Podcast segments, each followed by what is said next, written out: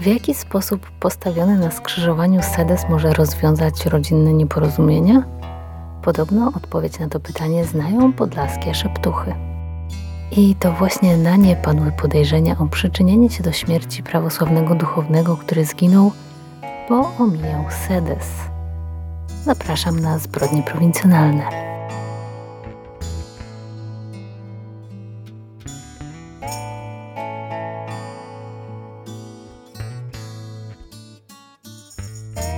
Wprawdzie Halloween i wszystkich świętych już minęły, ale wciąż mamy listopad, czas mgieł, spadających liści i ogólnie klimatu doskonałego do słuchania historii z dreszczykiem.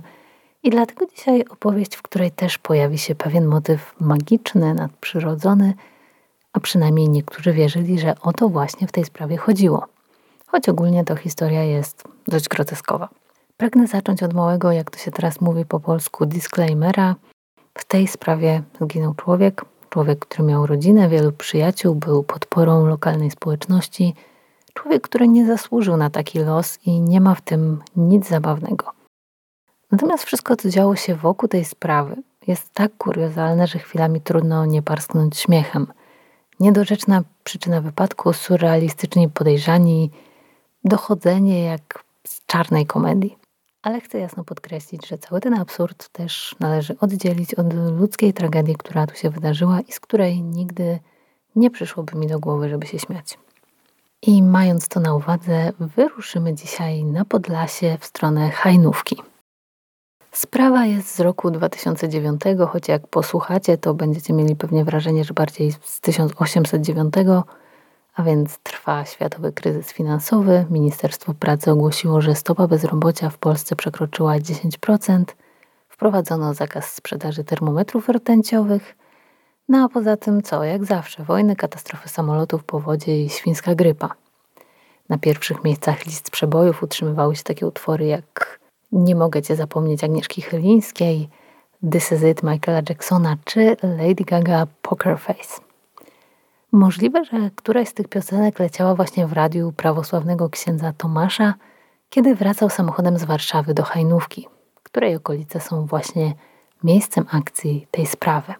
Hajnówka, Podlasie to region Polski niepodobny do innych. Niektórzy się z tego śmieją, nazywają ciemnogrodem, inni doceniają elementy folkloru, które przetrwały do naszych czasów i ten taki tradycyjny swojski klimat – Mieszkańcy Hajnówki i okolic mają opinie raczej konserwatywnych. Jest tu spore poparcie dla partii i organizacji raczej tych skrajnie prawicowych.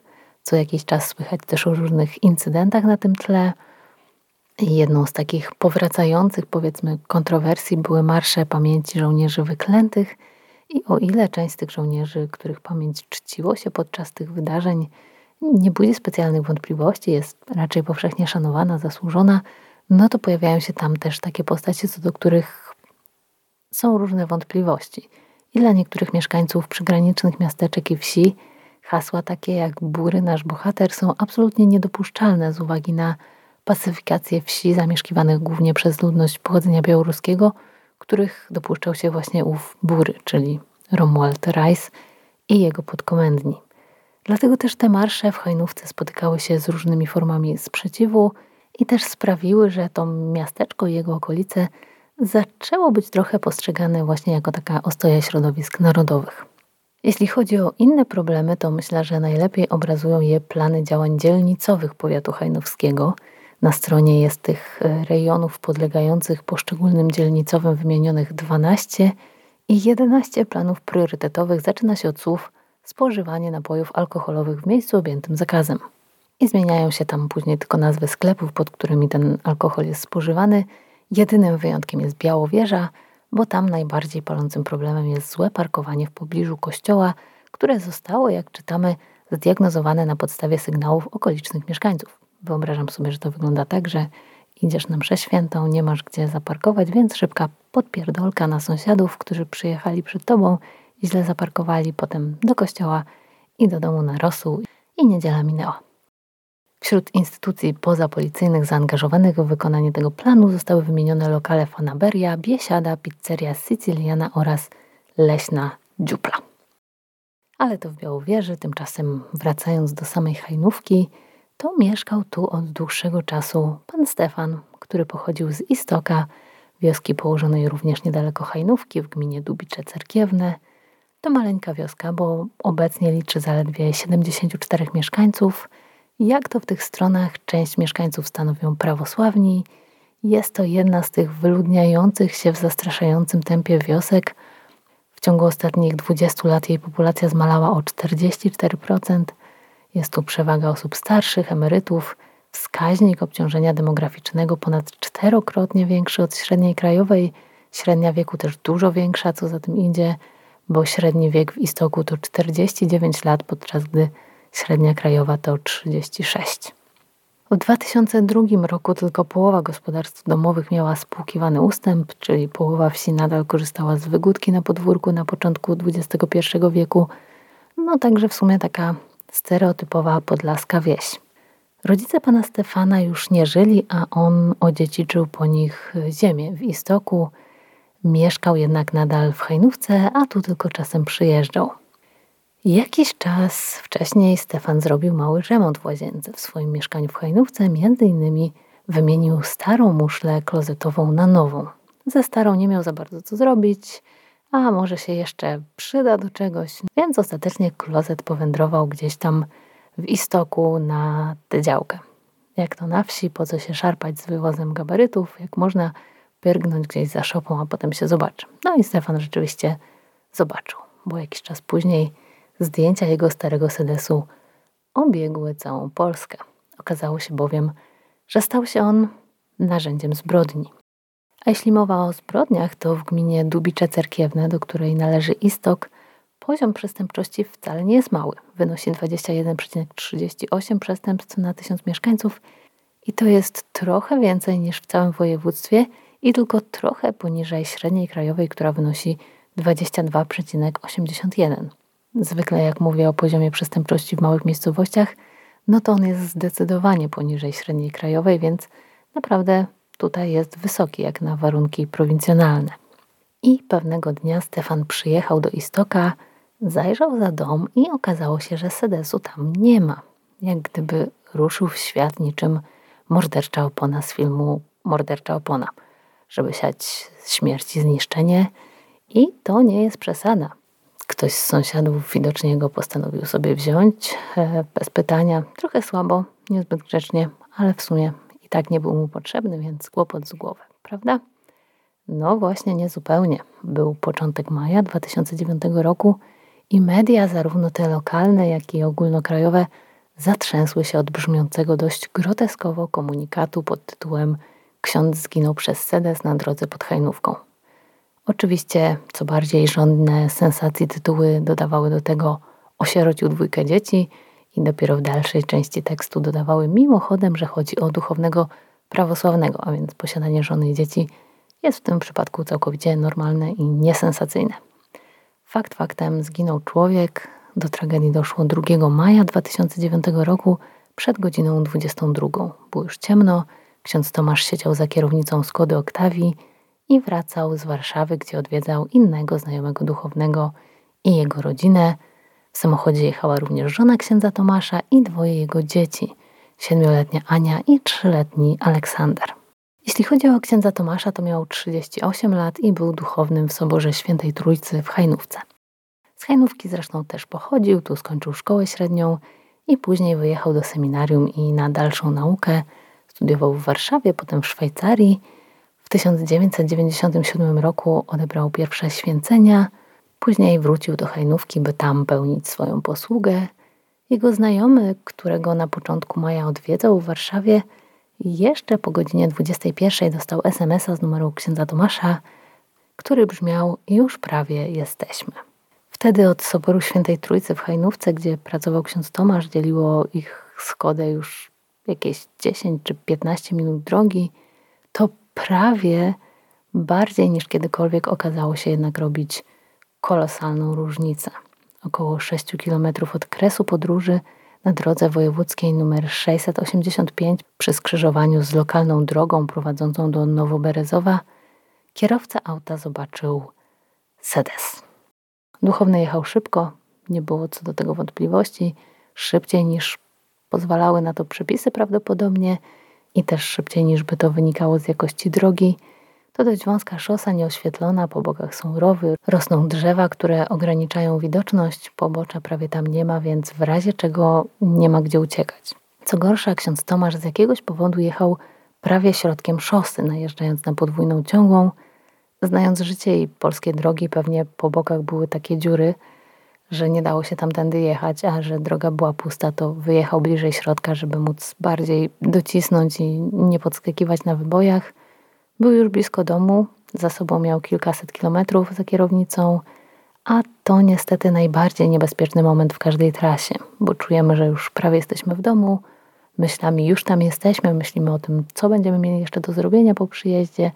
Jesteśmy zmęczeni, bo przez kilka godzin trzeba było non-stop być skupionym, a teraz mamy już przed sobą dobrze znaną drogę, poczucie, że już nic nas nie zaskoczy, koncentracja siada, no i tracimy czujność. Niejednokrotnie też trochę mocniej przyciskamy pedał gazu, żeby już jak najszybciej być na miejscu. I właśnie w takim momencie księdzu Tomaszowi ukazał się sedes stojący na środku drogi. Gdyby jechał bliżej bocznej krawędzi jezdni, tak jak powinien, prawdopodobnie nic by się nie stało. Również gdyby nie jechał tak szybko. Później wielu komentujących mu to wytykało i oczywiście, że nie powinien łamać przepisów. Z drugiej strony, kto jest bez winy, niech pierwszy rzuci kamień. W każdym razie jechał tak jak jechał i w momencie, kiedy światła jego Skody oświetliły stojący dumnie na środku jezdni Sedes, było już za późno na bezpieczną reakcję. Ksiądz Tomasz odruchowo zahamował, jednocześnie szarpnął kierownicę, próbując ominąć dziwny element drogowej infrastruktury. Niestety poskutkowało to utratą panowania nad pojazdem. Auto wypadło z drogi i wbiło się bokiem pomiędzy pnie dwóch drzew rosnących na poboczu. Widok był dość dramatyczny. Kierowca ciężko ranny, nieprzytomny, z ranami głowy i urazem kręgosłupa został natychmiast przewieziony do szpitala. Szczęście w nieszczęściu rodzinie duchownego nic się nie stało, poza jakimiś niegroźnymi zadrapaniami. Niestety sam ksiądz Tomasz był w bardzo złym stanie. Choć żył jeszcze przez tydzień, to przez ten czas nie odzyskał przytomności i ostatecznie zmarł w szpitalu. Był to cios nie tylko dla jego najbliższych, ale też dla całej parafii, w której wszyscy go znali i cenili. 11 maja na pogrzebie duchownego zjawiły się tłumy, setki ludzi przyszłyby go pożegnać. W maju co roku odbywają się w Hajnówce Dni Muzyki Cerkiewnej. Ksiądz Tomasz uczestniczył w organizacji tego festiwalu. Zginął tuż przed jego rozpoczęciem, także impreza odbyła się w cieniu tej tragedii i nie przyniosła uczestnikom takiej radości jak zwykle. Prawosławna społeczność Hajnówki była pogrążona w żałobie. Dziwaczny wypadek stał się dość głośny w całej Polsce. Do Hajnówki zjechały ekipy telewizyjne, dziennikarze. Śledztwo przejęła prokuratura okręgowa w Białymstoku i oddelegowano do niej funkcjonariuszy z komendy wojewódzkiej, którzy mieli pomóc policjantom z Hajnówki w rozwiązaniu sprawy, także sprawa Sedesu nabierała rozpędu. Policja stała przed koniecznością ustalenia kwestii, kto ustawił Sedes na środku jezdni, co było zadaniem, które nie tylko brzmiało idiotycznie, ale też zdawało się z góry skazane na niepowodzenie. Było jasne, że Sedes nie znalazł się w tym miejscu przypadkiem, tylko został tam starannie ustawiony. Muszla klozetowa była niewątpliwie używana i to od dość długiego czasu. Była stara, brudna, lekko uszkodzona, jednak nie było wątpliwości, że ktoś ją tam postawił, a nie na przykład spadła z jakiegoś samochodu, no bo wtedy by się roztrzaskała, poza tym nie stałaby tak równo. Na dodatek, co jest w tym wszystkim chyba najbardziej zastanawiające, w środku leżała rękawiczka, na której widoczne były ślady krwi. Cóż to mogło oznaczać? Może ktoś założył rękawiczki do przenoszenia sedesu, ale się skaleczył jak go niósł i zostawił zakrwawione rękawiczki w muszli? Takie wyjaśnienie brzmiało chyba najbardziej prawdopodobnie, o ile cokolwiek w tej sytuacji można określić tym słowem. Krew była ważnym śladem, mogła doprowadzić do sprawcy, ale tylko gdyby istniał materiał biologiczny, z którym można by porównać zebrane próbki. A policja nie miała żadnego punktu zaczepienia, przecież nie zbiorą próbek od całego województwa, żeby je porównać. Tymczasem zdjęcia morderczego sedesu obiegły całą Polskę i dotarły również do pana Stefana. Pamiętacie Stefana z Hajnówki, któremu ktoś zwędził stary kibel z posesji w istoku, Otóż pan Stefan z przerażeniem rozpoznał na zdjęciu swój zaginiony w tajemniczych okolicznościach stary sedes. I wkrótce po wypadku mężczyzna zgłosił się do hajnowskich policjantów i opowiedział im jedną z najbardziej kuriozalnych historii, jaką opowiadałam w tym podcaście. Jak wyjaśnił Stefan, sedes na rozstajnych drogach miał być formą magicznej zemsty. Okazuje się, że sytuacja rodzinna Stefana była dość napięta. Nic zresztą niezwykłego, raczej historia jakich wiele. Po śmierci rodziców mężczyzna przejął ich majątek, ale tak się składało, że miał on jeszcze dwie siostry, Annę i Eugenię, i obie panie również miały prawo do spadku. I między nimi a Stefanem toczyła się oto mała wojna. Rodzice zostawili wszystko do podziału pomiędzy troje rodzeństwa, ale nie było testamentu, w którym wyszczególniono by, co miało przypaść komu. No i wiadomo, jak to jest. Jak są pieniądze, to można je łatwo podzielić, ale dom, ziemia, maszyny i tak dalej, z tym zawsze jest problem. Można sprzedać, podzielić się pieniędzmi, ale ktoś może woli, żeby dom został w rodzinie, więc ma spłacić pozostałych, ale z tym spłacaniem to też różnie bywa. Ktoś uważa, że dostał za mało albo nie chce czekać na pieniądze dłużej. No ogólnie rodzinna awantura gotowa. I tym to sposobem rodzeństwo od 8 lat ze sobą praktycznie nie rozmawiało, a jak już rozmawiało, to przy użyciu gruźb karalnych, o co zresztą toczyła się między nimi sprawa w sądzie. W ogóle Anna, Eugenia i Stefan, jak się spotykali, to właśnie głównie w sądzie. Stefan powiedział policjantom, że podejrzewa, iż jego siostry ukradły muszlę klozetową z jego posesji. Zapytany, po co kobiety miałyby to robić, po co miałyby ją kraść i ustawiać na skrzyżowaniu, Stefan stwierdził, że prawdopodobnie udały się do miejscowej szeptuchy, co już wcześniej też robiły, a ta poradziła im, żeby zrobiły coś takiego, żeby rzucić na niego urok. Powiedział, że jego siostra Anna już w przeszłości radziła się podlaskich czarownic.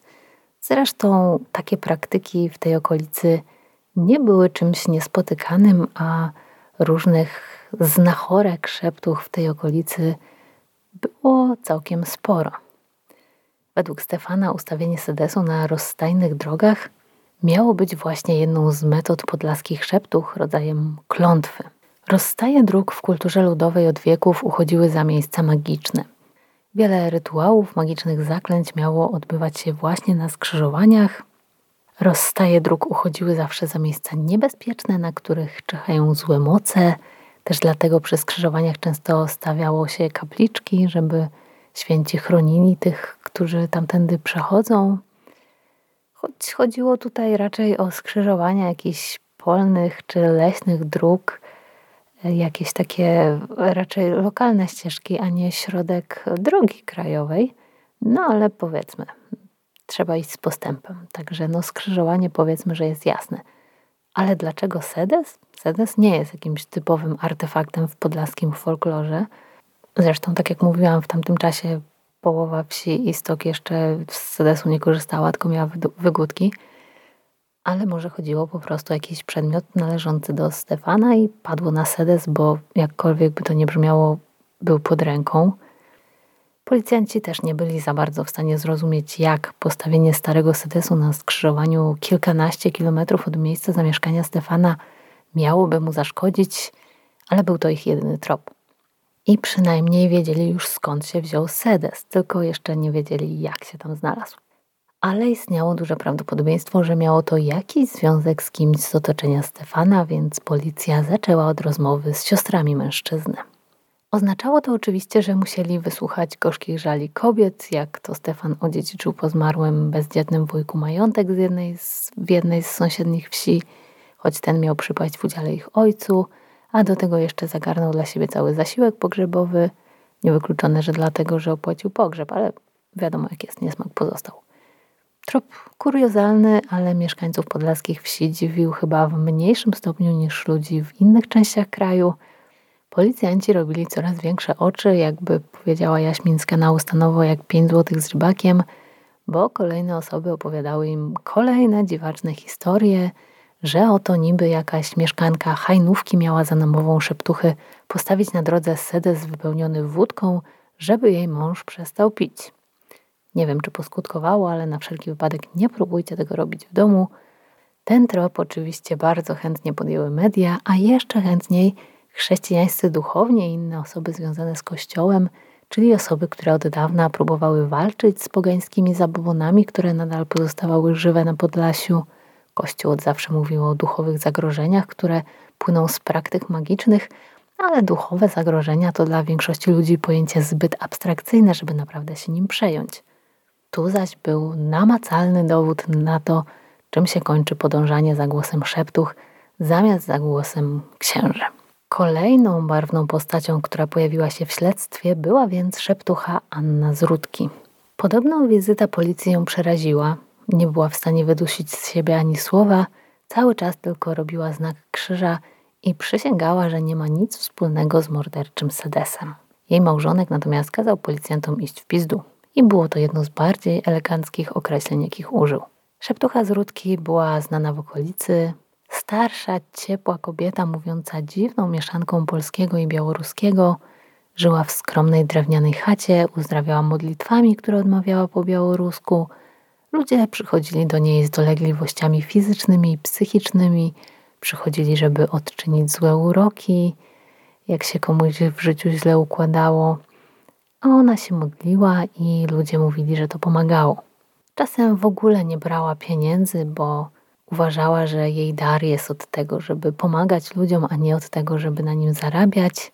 Nie kazała też nikomu zakopywać żadnych świństw o północy na rozstajnych drogach. Może inne szeptuchy tak, ale ona tylko się modliła i uchodziła za osobę bardzo wierzącą, religijną.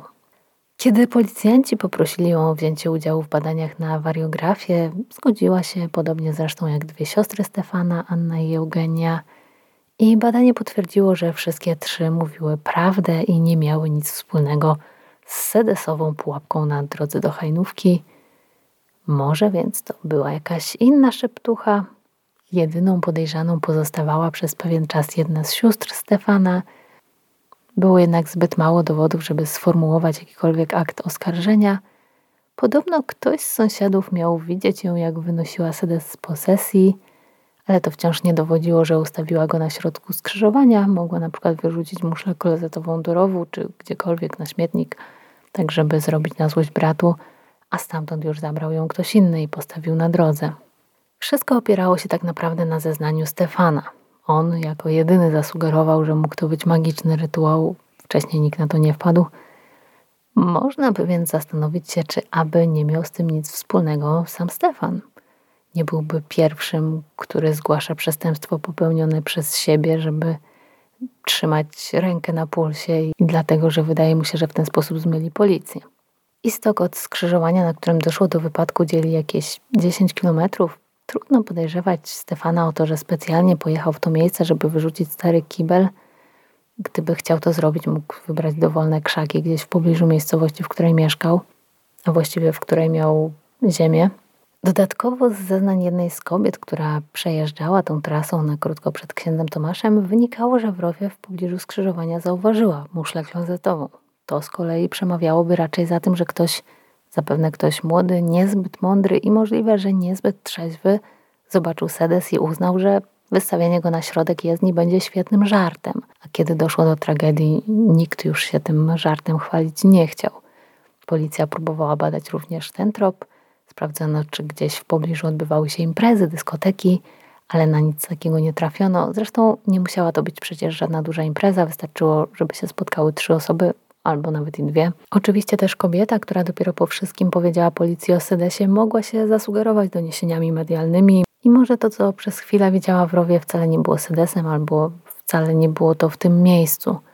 Możliwe też, że intencja tego dowcipu była inna, może miała mieć walor edukacyjny, na przykład ktoś zobaczył w rowie wyrzucony sedes i postanowił ustawić go na środku drogi, żeby zawstydzić tego, kto go wyrzucił w taki sposób – jeśli tak, to osoba, która to zrobiła, jest ostatnią, która powinna kogokolwiek, czegokolwiek uczyć. Niestety to fascynujące śledztwo nie przyniosło ostatecznie rezultatów. Choć przesłuchano łącznie kilkadziesiąt osób, sprawdzono telefony sióstr, podejrzanych o czary, żeby ustalić, gdzie się znajdowały na krótko przed wypadkiem, ale z logowań telefonu nie wynikało nic konkretnego. Telefon Eugenii, która mieszkała w pobliżu, łączyłby się z tą samą wieżą prawdopodobnie, gdyby była u siebie w domu i gdyby była na miejscu wypadku, czy też w pobliżu tego miejsca. Nie wiadomo do końca, co się stało z zakrwawioną rękawiczką z sedesu.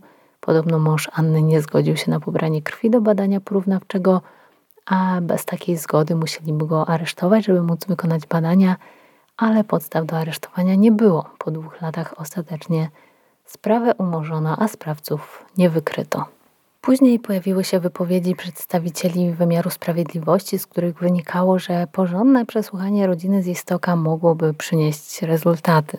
To byli zwykli ludzie, nie jacyś zatwardziali kryminaliści, więc jeśli coś ukrywali, jeśli mieli coś na sumieniu, to profesjonalne przesłuchanie z pewnością sprawiłoby, żeby się ugięli. Czy tak by było naprawdę, to wciąż tylko gdybanie, zwłaszcza, że wszyscy zostali przebadani na wykrywaczu kłamstw, więc wydawałoby się, że takie osoby raczej tego wykrywacza nie były w stanie oszukać i można wierzyć wynikom, które, które przyniosło to badanie. W miarę pewne wydaje się, że osoba, która wystawiła Sedes na drogę, była w jakiś sposób związana ze Stefanem, mieszkała albo bywała w pobliżu tej posesji w istoku i z jakiegoś powodu zabrała z jego podwórka nieszczęsną muszlę klozetową, oczywiście zakładając, że Stefan mówił prawdę i sam nie wyrzucił jej gdzieś do lasu, skąd zabrała przedmiot jakaś zupełnie przypadkowa osoba. Tymczasem na Podlasiu historia morderczego Sedesu zaczęła żyć własnym życiem. I wiara w to, że stary Sedes pojawiający się w nieoczekiwanym miejscu to zapowiedź śmierci, umocniła się w narodzie. Stary Sedes stał się taką podlaską wariacją na temat głowy konia, tudzież zdechłej ryby. W 2014 roku lokalne media donosiły o starym Sedesie pozostawionym na półpiętrze w jednym z białostockich bloków. Był to mały blok, niewielka klatka, tylko dwa czy trzy mieszkania na piętrze, więc wszyscy się znali i wszyscy zgodnie twierdzili, że to nie oni. Portal Dzień Dobry Białystok relacjonował rozmowy z mieszkańcami bloku i pojawiały się tam takie wypowiedzi. Kto wystawia sedes na klatkę? I to taki sedes, żeby tutaj sobie stał. Ani to ozdoba, ani przydatna sprawa, bo nie podłączony do kanalizacji. Trochę strach zabierać i wyrzucać, bo może jakie czary w nim siedzą. Cytowany przez portal Dzień Dobry Białystok szeptun Aleksander, którego zapytano o skuteczność takich praktyk magicznych, powiedział, że nie ma się co nimi przejmować. Choć nie wykluczał, że jakiś szarlatan mógł komuś podobne działania doradzić, bo jak stwierdził szeptun, Szarlatanów w Białymstoku nie brakuje. Jeśli chodzi o zaatakowaną przez morderczy sedes klatkę schodową, to poradził mieszkańcom bloku coś takiego. Ja bym radził tym ludziom pomodlić się na wszelki wypadek i wynieść sedes na śmietnik. Jak kto się boi, to może owiązać kawałek klozetu czerwoną nitką i będzie po sprawie. O sprawie i o tajemniczym zaangażowaniu szeptuch w śmierć księdza zaczęto mówić ponownie w 2016 roku – kiedy w pobliżu miejsca, w którym zginął Pop, doszło do kolejnego wypadku. Niby zupełnie zwyczajny wypadek drogowy. Hajnowski prokurator Andrzej Rusko wracał z Bielska Podlaskiego po południu 18 marca na wysokości miejscowości Hołody, jakieś 15 km od miejsca, w którym zginął ksiądz Tomasz, wichura złamała gałąź. Koner spadł na maskę samochodu prokuratora, wybił okno i kierowca zginął na miejscu. Niewątpliwie był to wypadek. Szybko pojawiły się jednak skojarzenia z wypadkiem z 2009 roku, a to przede wszystkim dlatego, że prokurator Rusko był ciotecznym bratem zmarłego tragicznie księdza Tomasza. Podobno prokurator był mocno zaangażowany w wyjaśnianie okoliczności śmierci kuzyna i całkiem poważnie traktował wątek szeptuchy. Domagał się też, żeby poświęcić mu więcej uwagi. No i to, jak niektórzy podejrzewali, mogło ściągnąć na niego zemstę szeptuchy, która doprowadziła do śmierci prokuratora. Tego wątku już jednak policja nie badała. I ja nawet nie wiem za bardzo, jak to podsumować. Strasznie głupia historia. Splot trywialnych zdarzeń, które doprowadziły do tragedii. W internecie rozgorzała dyskusja, po co szukają tego, kto ustawił sedes, przecież to była wina kierowcy, bo to on nie zachował należytej ostrożności – Sedes stał na podwójnej ciągłej. Gdyby kierowca nie wyjechał ze swojego pasa, nic by się nie stało, ale błąd kierowcy to jedno. On już zresztą za swój błąd odpowiedział. Spowodowanie zagrożenia na drodze to osobna kwestia, również podlegająca karze, a postawienie sedesu na środku skrzyżowania, nawet na podwójnej ciągłej, niewątpliwie do takiej kategorii się zalicza i ten, kto to zrobił zgodnie z prawem, może zostać ukarany, to znaczy mógłby, gdyby został złapany, a pewnie już nie zostanie. Swoją drogą ciekawa jestem, jakie zarzuty mogłaby usłyszeć taka osoba, bo teoretycznie w grę mogłoby tu wchodzić nawet nieumyślne spowodowanie śmierci, choć pewnie można by to podważyć, że nie doszłoby do wypadku, gdyby kierowca poruszał się zgodnie z przepisami. Możliwe, że te zarzuty by ostatecznie ograniczono właśnie do spowodowania zagrożenia w ruchu drogowym. To też byłoby istotne w kwestii ewentualnego przedawnienia zarzutów, gdyby kiedyś znaleziono winnego, ale tu już by się musiał wypowiedzieć prawnik. A nie zdziwiałem się też, gdyby istniały różne interpretacje tego zdarzenia w świetle prawa. Pytanie też, czy gdyby potencjalnie rzeczywiście ktoś wykonywał zalecenia jakiejś szeptuchy, to czy taka szeptucha mogłaby zostać pociągnięta do odpowiedzialności za podżeganie do postawienia sedesu na skrzyżowaniu? Szczególnie, że nie sądzę, żeby szeptucha wskazała akurat to konkretne skrzyżowanie. Może ten wypadek przynajmniej podziała na wyobraźnię innym, którym podobne pomysły mogłyby przyjść do głowy. Wielu mieszkańców Podlasia pomstowało, że zrobiono z nich w mediach ciemniaków, którzy wierzą w czarownice i zaczarowane sedesy. Cóż mogę powiedzieć? Fakt, że taki trop w ogóle się pojawił w sprawie i był rozpatrywany przez policję, świadczy o tym, że Podlasie jednak, a przynajmniej niektóre jego rejony, w XXI wieku wciąż jest wyjątkową krainą, która, że tak powiem, wykracza nieco poza normy europejskie. Czy to źle, czy dobrze, nie mnie to osądzać. No i to chyba wszystko, co mogę Wam powiedzieć o popie, szeptusze i starym sedesie. Minęło 14 lat, a sprawa wciąż pozostaje niewyjaśniona. Policjanci twierdzą, że właściwie jedyna możliwość, żeby pojawiły się w niej jakieś nowe informacje, to taka, że ktoś, kto miał z całą historią coś wspólnego, pewnego dnia zostanie aresztowany za jakieś inne przewinienie, trafi na przesłuchanie i żeby ratować własny tyłek i ugrać niższy wyrok, opowie o tajemnicy morderczego sedesu.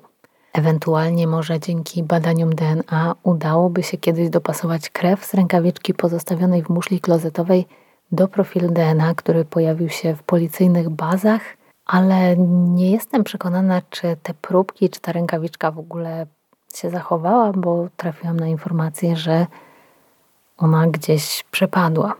Także nie wiem, czy, czy takie badanie byłoby jeszcze możliwe. No, w każdym razie jakieś szanse na przełom w tej sprawie jeszcze istnieją, choć prawdopodobnie są niezbyt duże.